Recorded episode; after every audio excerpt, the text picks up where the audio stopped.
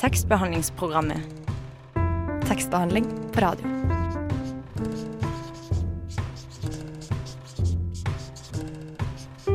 Tekstbehandlingsprogrammet.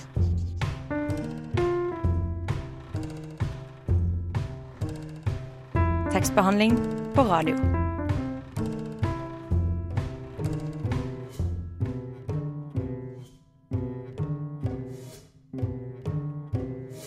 Og velkommen til tekstbehandlingsprogrammet denne onsdagsmorgenen. Mitt navn er Mari Nyberget, og med meg i dag er du, Andrea Tangril Rustad Nymoen. Hei, hei.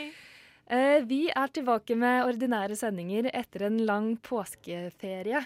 Og eh, hva er det du har gjort for noe i påsken, Andrea? Jeg har bl.a. spist mat med familien og gått mye turer ute. Og så jeg har endelig fått lest boka 'På vegne av venner' av Kristoffer Schou, og den syns jeg var veldig fin. Ja, men har du lest, har du lest noen påskekrim eh, i påsken, da? Nei, det har jeg dessverre ikke. Jeg har holdt meg til den eh, boka 'På vegne av venner'. Og hva med deg, har du vel fått lest noe? Nei, eh, jeg har ikke lest noe påskekrim, for jeg er egentlig ikke så veldig fan av eh, krimsjangeren. Eh, Men jeg har jo skrevet en artikkel da, om eh, påskekrimmen i en lokalavis. Ja, det var det, ja. Ikke verst. Nei, det Ja. Så fant du ut hva var egentlig greia med påskekrim? Ja, det jeg fant ut uh, i min eh, veldig lange lokalavisartikkel, det var at påskekrim egentlig er et eh, særnorsk eh, begrep som stammer fra en reklamekampanje fra 1923.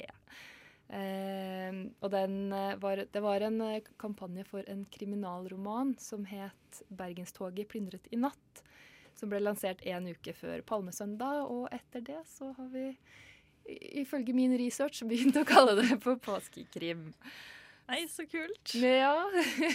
Der, ja. Men eh, jeg tenkte på den boka som du har lest av Kristoffer Skaug. Hva syns du om den? Nei, jeg syns den var veldig fin. Han eh, hadde et veldig spesielt prosjekt hvor han skulle reise rundt på begravelser til eh, de som eh, bare egentlig var helt tomme, som ikke hadde noen gjester. Så da fikk du et innblikk i eh, noen samlinger som ikke jeg har hatt noe innblikk i før, da. Så det var veldig fint. Yes, Spennende. Eh, men nå så skal vi over til noe helt annet enn både påskekrim og Kristoffer Skau. For eh, vi har lest novellesamlingen 'Famlere', som Ane Nydal debuterte med i mars. Og hun kommer hit til oss i studio etter låta 'Halvparten' av Lulu Rivers. Én, to, tre. T-E-K-S-T-B-E-H-A-L-D-L P-R-O-G-A-M.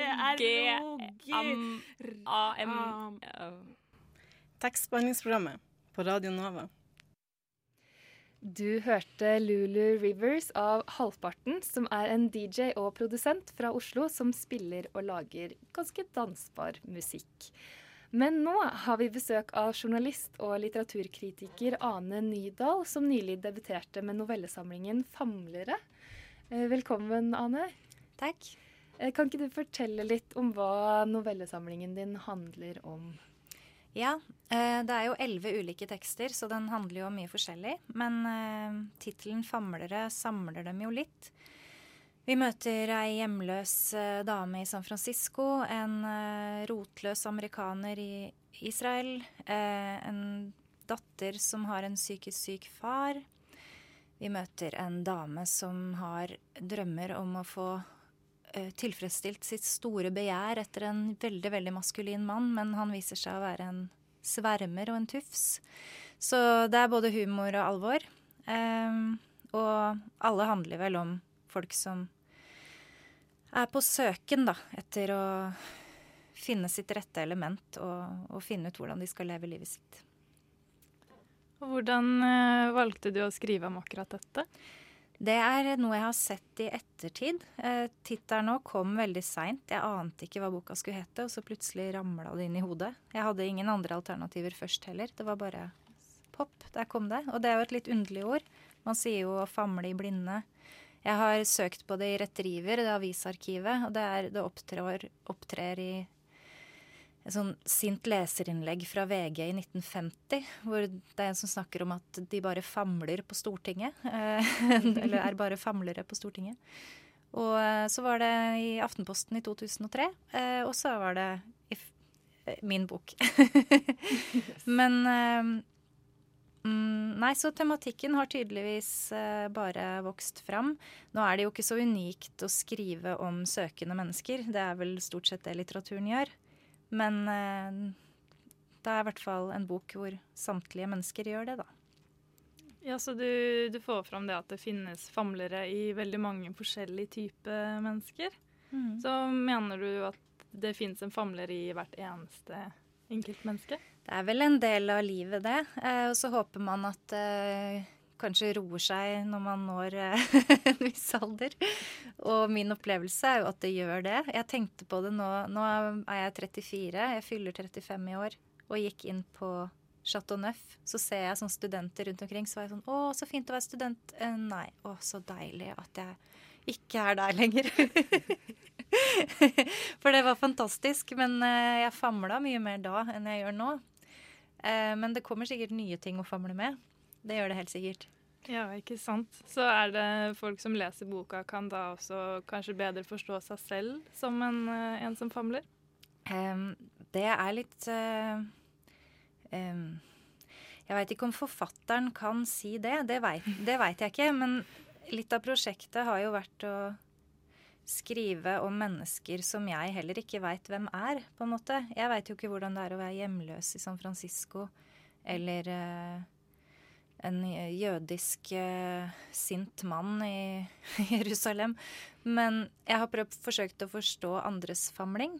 Så kanskje kan leseren også gjøre det. Og det er jo en lang tradisjon å tenke på litteratur som noe som oppøver empati, da. Eh, så ja, det kan hende. Men eh, hvorvidt folk kjenner seg igjen, det, det er jeg spent på å høre om. Men, men, hva innebærer det egentlig for deg da, å være en famler? Er... Hmm. Um,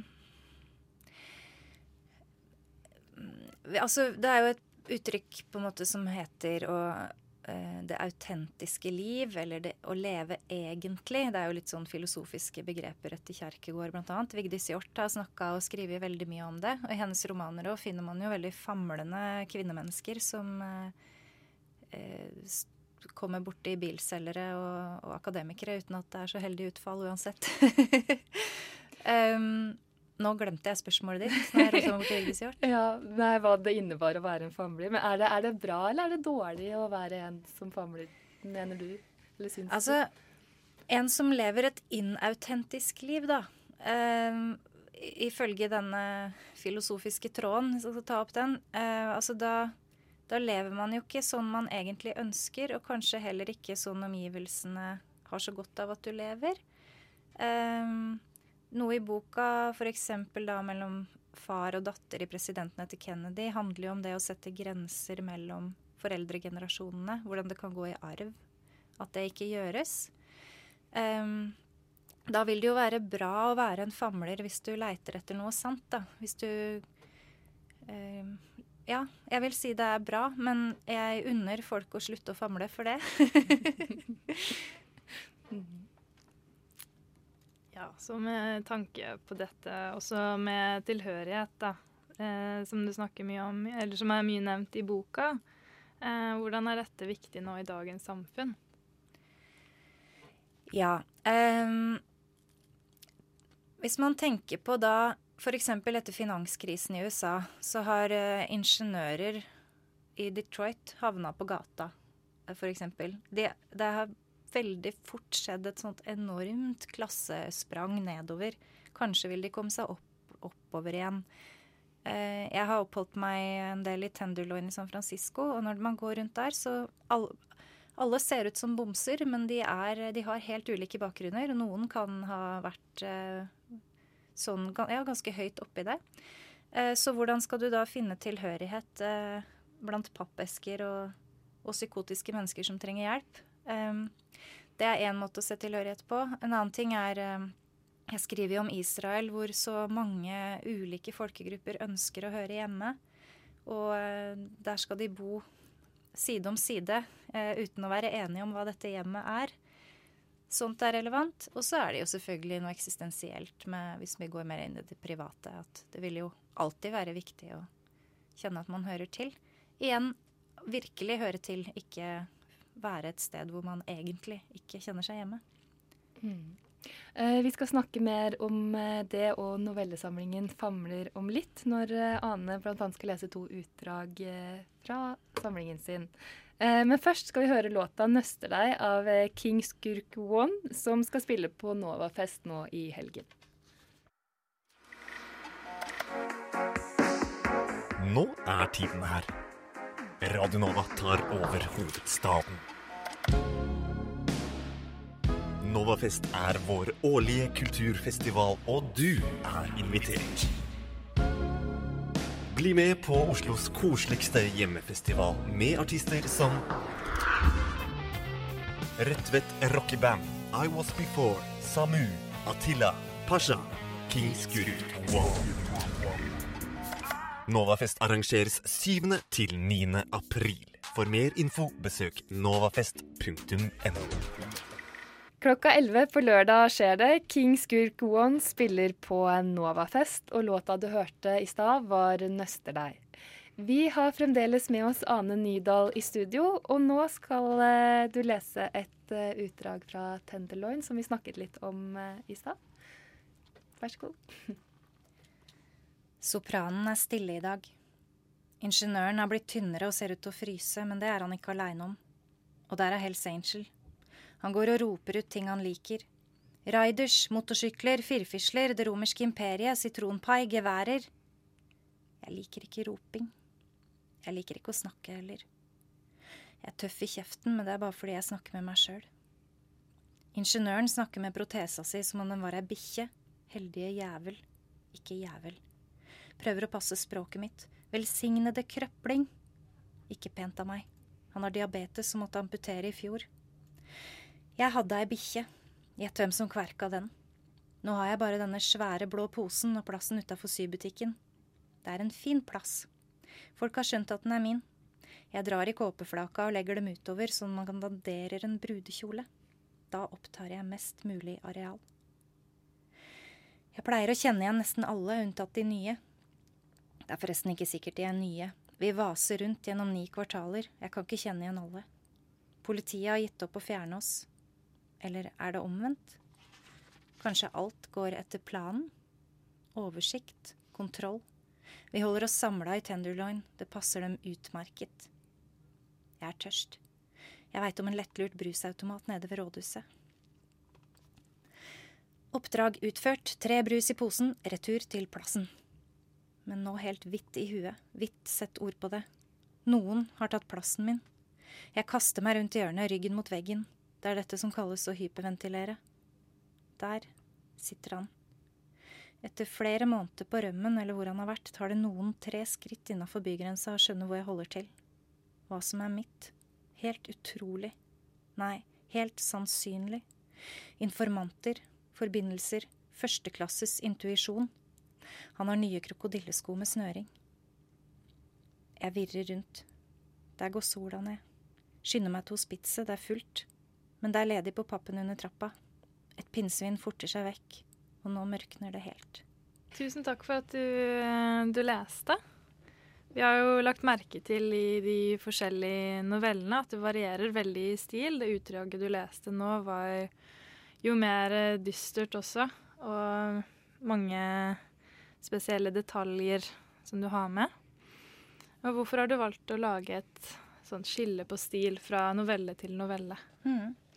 Um, Tenderloin, som jeg leste, den er på en måte både dyster og leken i språket. Hun har hun hjemløse dama som er 37 år. hun har på en måte en sånn overlevelsesdrift i å prøve å snakke litt morsomt med seg sjøl inni hodet sitt. på en måte. Og så blir det mer og mer eh, alvorlig etter hvert, for så vidt. Men eh, det er jo ikke sånn at jeg setter meg ned og bare Nå skal jeg skrive en novelle i den stilen. Eh, det kommer litt Eh, mystisk fram. Eh, men det jeg tenker, er at jeg syns jo det er rart at uh, veldig mange novelleforfattere i tekst etter tekst og i bok etter bok skriver helt likt. Jeg setter Alice Munro veldig høyt, men jeg kunne ha spotta ut en tekst til Alice Munro fra en enorm bunke. på en måte. Vi veit akkurat åssen hun skriver. Norske Merete Lindstrøm gjør det samme. Og det betyr ikke at det ikke er bra. Jeg syns bare det er veldig rart når man har sjansen til å skrive elleve forskjellige tekster. Leke seg med språk og ulike, ulike form, som jeg også gjør. Så er jo det kjempegøy. Og eh, de ulike karakterene styrer jo da hvordan språket blir. Så det er noe jeg lærer meg underveis òg, hvem de skal være og hvordan de skal snakke. Og det er noe av det morsomste ved å skrive. Ja, så er det et, også et slags uh, litterært prosjekt da, å utforske ulike stiler. Nei, uh, um, det blir det i ettertid. Det er, det er, noe som har Det er noe jeg ser etter at jeg har samla alle de tekstene, så ser jo jeg jo at de er ulike. Så det er ikke noe jeg bestemmer meg for. Men uh, George Saunders, som er en novelleforfatter jeg er veldig glad i, han sier det at man kommer aldri nærmere et menneske enn Eh, den stemmen vi har oppi hodet vårt. Vi har jo en sånn stemme som, eh, som er veldig annerledes enn vår sosiale stemme. Eh, og som Hvis du setter den ned i skrift, da, en jeg-person, sånn som i Tenderloin som jeg leste nå, så er vi inni hodet hennes hele tida. Du kommer aldri nærmere et menneske enn det. Men vi har alle veldig forskjellige stemmer i hodet, så det er veldig spennende å utforske hva det kan være. Og da blir det jo ulike stiler også. Mm. Eh, vi skal høre et litt annet eh, utdrag fra novellesamlingen din eh, etterpå, tenkte vi. Eh, og nå skal vi høre låta eh, 'Me and the Moon' fra Peter Esdal, som er en 23 år gammel fry fra Tromsø som sjelden setter lokk på seg selv og sine musikalske ideer. Tekstbehandlingsprogrammet når du har lyst til å lese med øra. Det var Me and the Moon med Peter Esdal. Og du hører fremdeles på tekstbehandlingsprogrammet, Radio Novas beste og eneste litteraturprogram.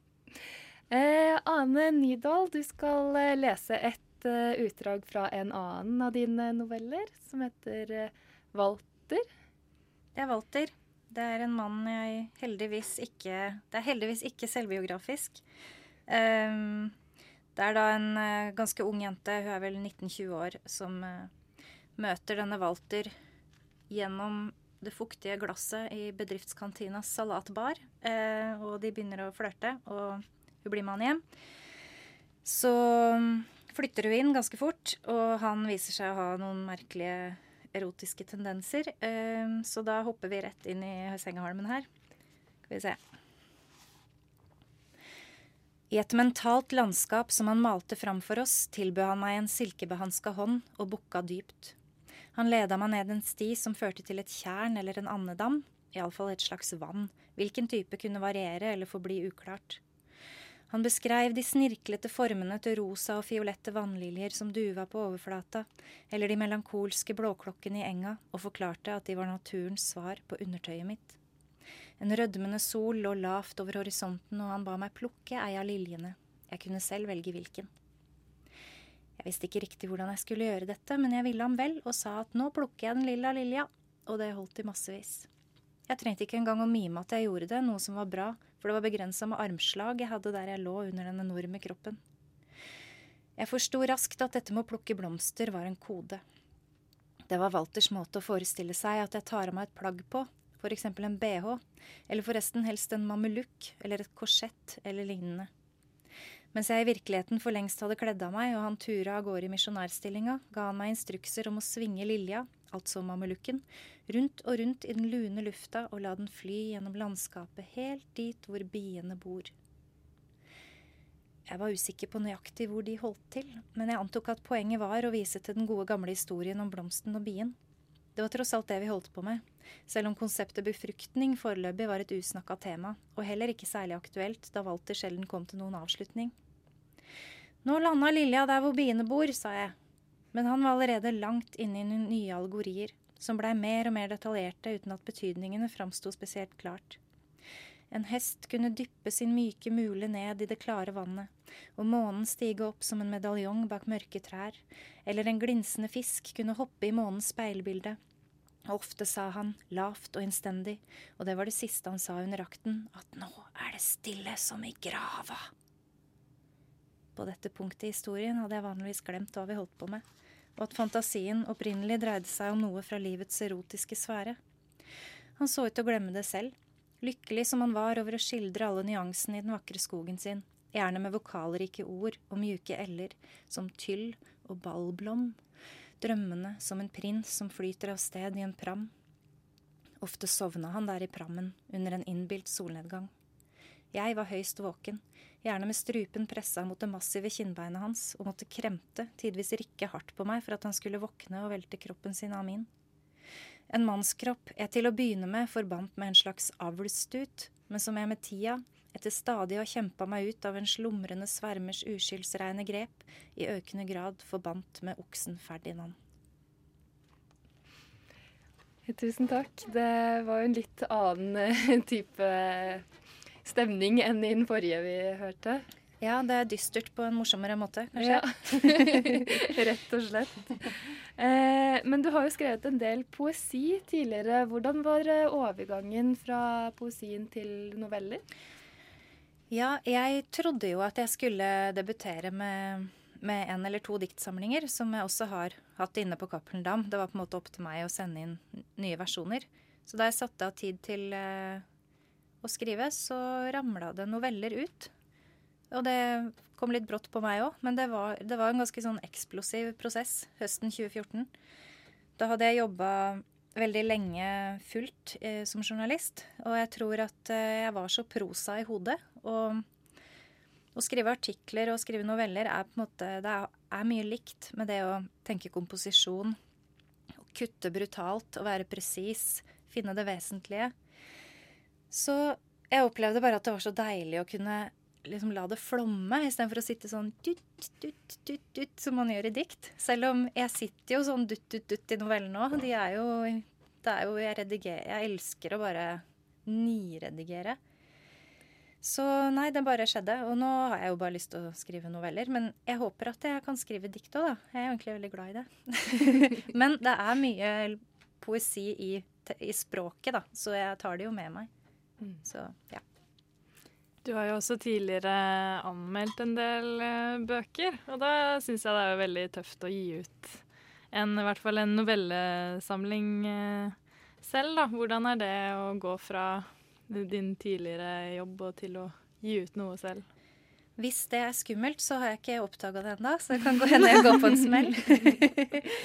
um, jeg opplever at jeg har lært veldig mye som kritiker om å skrive skjønnlitteratur òg. Jeg har blitt veldig bevisst på hva jeg syns er godt språk og god litteratur. Eh, og jeg har blitt veldig analytisk og ikke redd for kritikk, eh, egentlig. Men altså, får jeg en slakt, så er det klart jeg kanskje løper et sted inn i skogen og jeg, jeg vet ikke. Men jeg føler at det bare har vært eh, sånn naturlig Det hører naturlig sammen, da. Eh, fordi det handler om å jobbe grundig med tekst. Så, ja. Akkurat. Og åssen er det du eh, jobber da? Har du gjort mye research og basert på ting du har funnet fra andre steder, eller? Ja, jeg har gjort mye research. Eh, vi snakka jo litt i begynnelsen om mm, at flere av de jeg skriver om, er jo liv jeg ikke har forutsetninger for å forstå, egentlig. Så mm, jeg har som journalist vært, uh, vært, ute og reist, og da er det sitater i boka som er direkte henta fra folk jeg har møtt. Uh, I de tekstene her som er ganske journalistiske, så er det sitatsjekka og det etiske er på plass. Mens i noen av dem er det jo eh, fakta glir over i fiksjon, og der kan jeg heldigvis som skjønnlitterær forfatter lure dem skikkelig og lage dem til en karakter uten at de veit at de er sitert. Men jeg har prøvd å holde, holde det ryddig, da. Og det er jo en tekst som heter 'Please Hold On', som handler om uh, en, en jeg-person som sitter på T-banen i New York og bare assosierer med fakta. Den er jo rein fakta. Det er ikke noe fiksjon i den, bortsett fra at jeg aldri satt på den T-banen. Så der er det jo bare, bare internett, liksom. Jeg bare sitter og googler.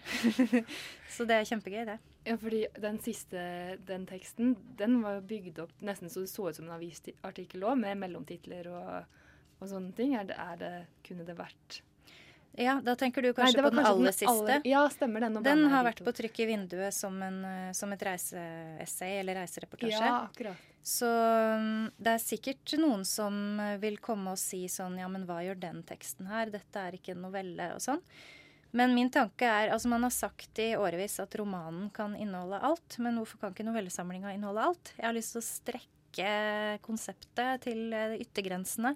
Og det har ikke nådd sine yttergrenser ennå, for så original er ikke den boka her. Men eh, jeg er i hvert fall sånn borti deg, da, at så lenge du har en flate som er eh, novellesamlingen, så kan man liksom hekte utrolig mange tekster på det, så lenge det har en berettigelse der. Og det, det mener jeg at også de faktatekstene har. Vi skal høre en eh, sang før vi skal snakke litt mer med deg.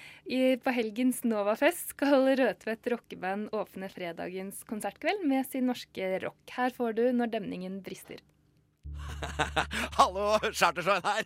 Jeg passer jaggu meg inn i tekstbehandlingsprogrammet også. Jeg syns at døra bør stå på gløtt. Tekstbehandlingsprogrammet holder døra oppe for alle. Lar du døra di være litt åpen. Vi har eh, fortsatt med oss deg her i tekstbehandlingsprogrammet, Anne Nydal. Du hadde slippfest nå i mars, du. Det hadde jeg. Ja, hvordan, eh, hvordan var det? Nei, det var kjempegøy. Um, jeg liker veldig godt å lage fest og festival. Jeg har lagd en festival som heter Fjøsfestivalen i mange år uh, utafor Trondheim. Og liker å liksom ja, feire skikkelig. Så det var uh, kjempemorsomt. Det var over 100 mennesker der, så det var veldig overveldende. Det var på Ingensteds. Og ja, man må feire litt. Du er ikke helt ferdig med, med feiringen enda? Nei, jeg skal ha en uh, liten seanse i Trondheim, men det blir bare på en kafé. Uh, Ni muser 24. april klokka fire. Da blir det liksom svinge napoleonskaka og skåle litt med en tekopp. Og så noen flere enn meg som skal lese. Så det blir roligere. Det er jo veldig eh, stas da å ha sånne samlinger. Og hvordan har responsen vært så langt? Jo, det er gøy å høre responsen. Det er jo veldig morsomt å, når de tekstene kommer ut i verden. Eh, farmora mi sier sånn Du skulle ikke heller skrive noe romantikk, så hadde du tjent penger. Eh, det er liksom en ting man kan si. Eh, en sa sånn Å nei, er det en sånn bok hvor man må tenke sjæl? Og eh, broren min, etter å ha lest Walter, da, som jeg leste fra i stad, så sa han nå har du ødelagt alle samleier for meg for all fremtid. Så eh, det er fint at boka har litt virkning. Men eh, jeg får høre mye at folk blir rørt da, og ler. Og det, det er, da blir jeg veldig glad. Hvis de både ler og blir rørt, så er jeg fornøyd. Eh, men videre da, har du tenkt på å skrive flere noveller, eller har du Eh, ja, jeg har masse tekst liggende, så får vi se om de har livets rett. Det veit jeg bare ved å jobbe hardt med dem. Eh, så skal man jo ha økonomi da, til å skrive, så det er litt sånn eh, realpolitikk og litt eh, innsats. det skal gå, det. Ja, så Vi gratulerer deg så mye med en veldig fin bok som vi likte godt, begge to. Tusen takk. Takk for at jeg fikk komme. Jo, tusen takk for at du kom hit eh, i tekstbehandlingsprogrammet. Eh, nå så skal vi høre en helt fersk trio fra folkemusikkverdenen. Her kommer Morgonrode med Kråkevisa. Nå skal vi høre et repriseinnslag fra da flere fra morgenprogrammet Skumma kultur dro til Dublin for å lage radio derfra. Maria Alming fra tekstbehandlingsprogrammet var med og dro innom et nokså spesielt sted i litteratursammenheng. Og du er eh, herved advart. 'Ulysses' av James Joyce er ikke den letteste boka i skuffen. På et hjørne i ei gate i Dublin, Europas litteraturby nummer én, ligger det et bitte lite lokale med en utstillingsdukke utenfor og noen brukte bøker på et bord. Lincoln Place One. Går du inn, lukter det gamle bøker. Velkommen til litteraturen. Uh, Sweeney's is a pharmacy, which is mentioned in the book Ulysses by James Joyce. Tramps. A car of Prescott's dye works, a widow in her weeds. Notice because I'm in mourning myself. He covered himself. How goes the time? Quarter past. Time enough yet. Better get that lotion made up. Where is this? Ah, yes, the last time. Sweeney's in Lincoln Place. Chemists rarely move. Their green and gold beacon jars too heavy to stir. Hamilton Longs founded in the year of the flood, Huguenot churchyard near there. Visit someday. And the character is about one man in the city on uh, Bloomsday, and the character is called Leopold Bloom. And uh, the character comes in here to get a prescription uh, for Molly, his wife, for face cream. And he smells uh, some lemon soap at the counter and he takes that with him. And uh, this re- recurs all through the book as a kind of talisman that the character takes with him on his odyssey or his journey around the city. Wendy Conroy jobber frivillig bak apotekeskranken på Sweeney's Chemist. Gamle flasker pynter fortsatt opp de gamle hyllene, men nå er det ikke lenger et apotek, men et sted de selger brukte bøker, bilder og holder opplesninger hver dag av James Joyces mest kjente og mindre kjente verk. It was going to be um, demolished or, or destroyed. Uh, and a year and a half ago, um, some volunteers took it over and uh, opened the doors, and people started to come in here. So now it's run um, by volunteers um, just to pay the very high running costs of being in the centre of Dublin. Um, and you can hire it out for an event, for a party, or for a class. And we have a little tutorial room at the back that we hire out as well. And that all generates income. So it's a bookshop stroke venue. Um, and every day we read Ulysses, or we read jo- Joyce, something from Joyce at one o'clock. And then we have two rolling Ulysses groups, so they teach Ulysses. The chemist turned back, page after page. Sandy, shriveled smell he seems to have, shrunken skull, and old. Quest for the philosopher's stone, the alchemists. Drugs age you after mental excitement. About a fortnight ago, sir. Yes, Mr. Bloom said. He waited by the counter, inhaling slowly the keen reek of drugs, dusty, dry smell of sponges and loofahs. Lot of time taken up telling you aches and pains. Sweet almond oiled and tincture of benzoin, Mr. Bloom said, and then orange flower water. It certainly did make her skin so delicate white like wax. And white wax also, he said. Joyce is very inaccessible. He's very different. It's very difficult. Ulysses is a very difficult book to read. Um, so we read every day at one o'clock, and we start people off. Thank you, bye bye, on Dubliners, and and get into that and get the idea that he had a sense of humour and that it's funny, and then work your way up if if you can.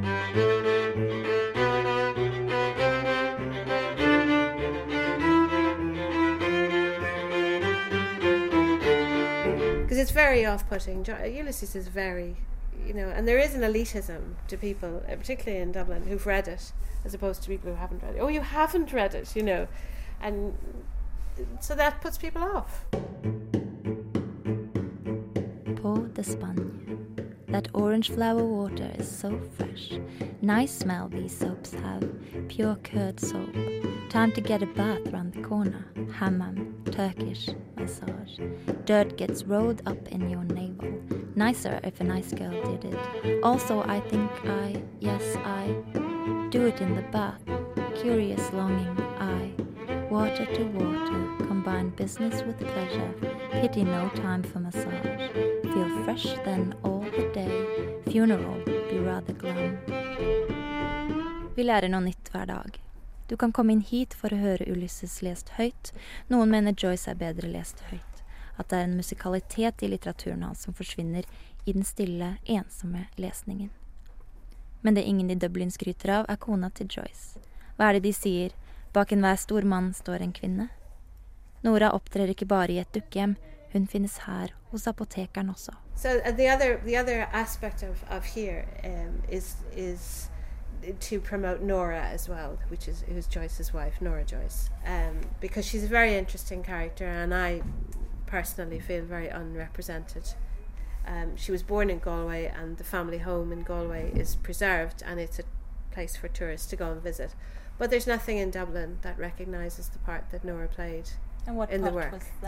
Um, I, I think pretty. She's fairly inspirational character, and she's definitely she's she's the sort of practical side. This was a this was a man obsessed by his literature and his work, and uh, not very practical.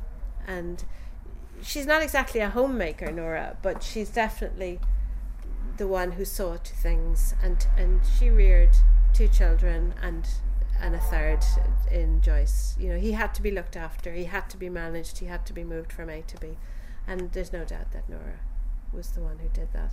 And towards the end of Ulysses, um, Joyce's eyesight was failing, was almost gone. So she's actually writing it. Okay. So you will hear people, Joyceans, say that uh, Nora never read Ulysses. And that's probably true. But she did write a lot of it.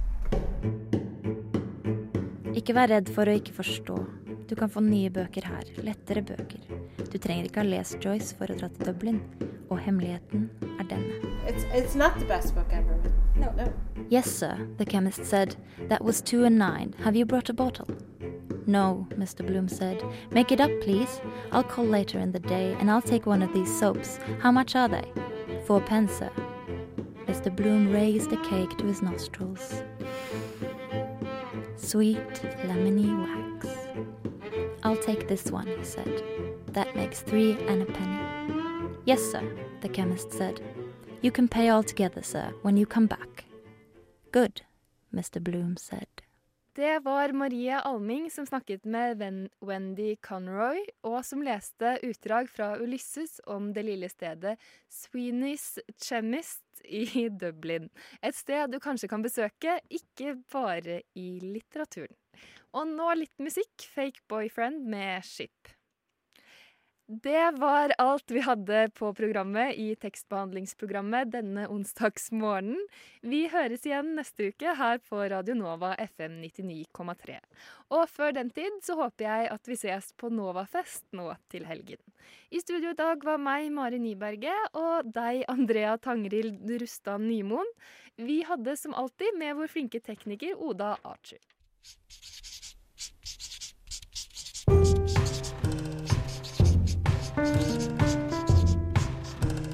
Tekstbehandlingsprogrammet. Tekstbehandling på radio.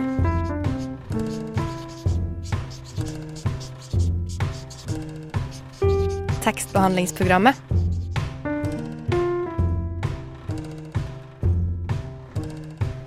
Tekstbehandling på radio.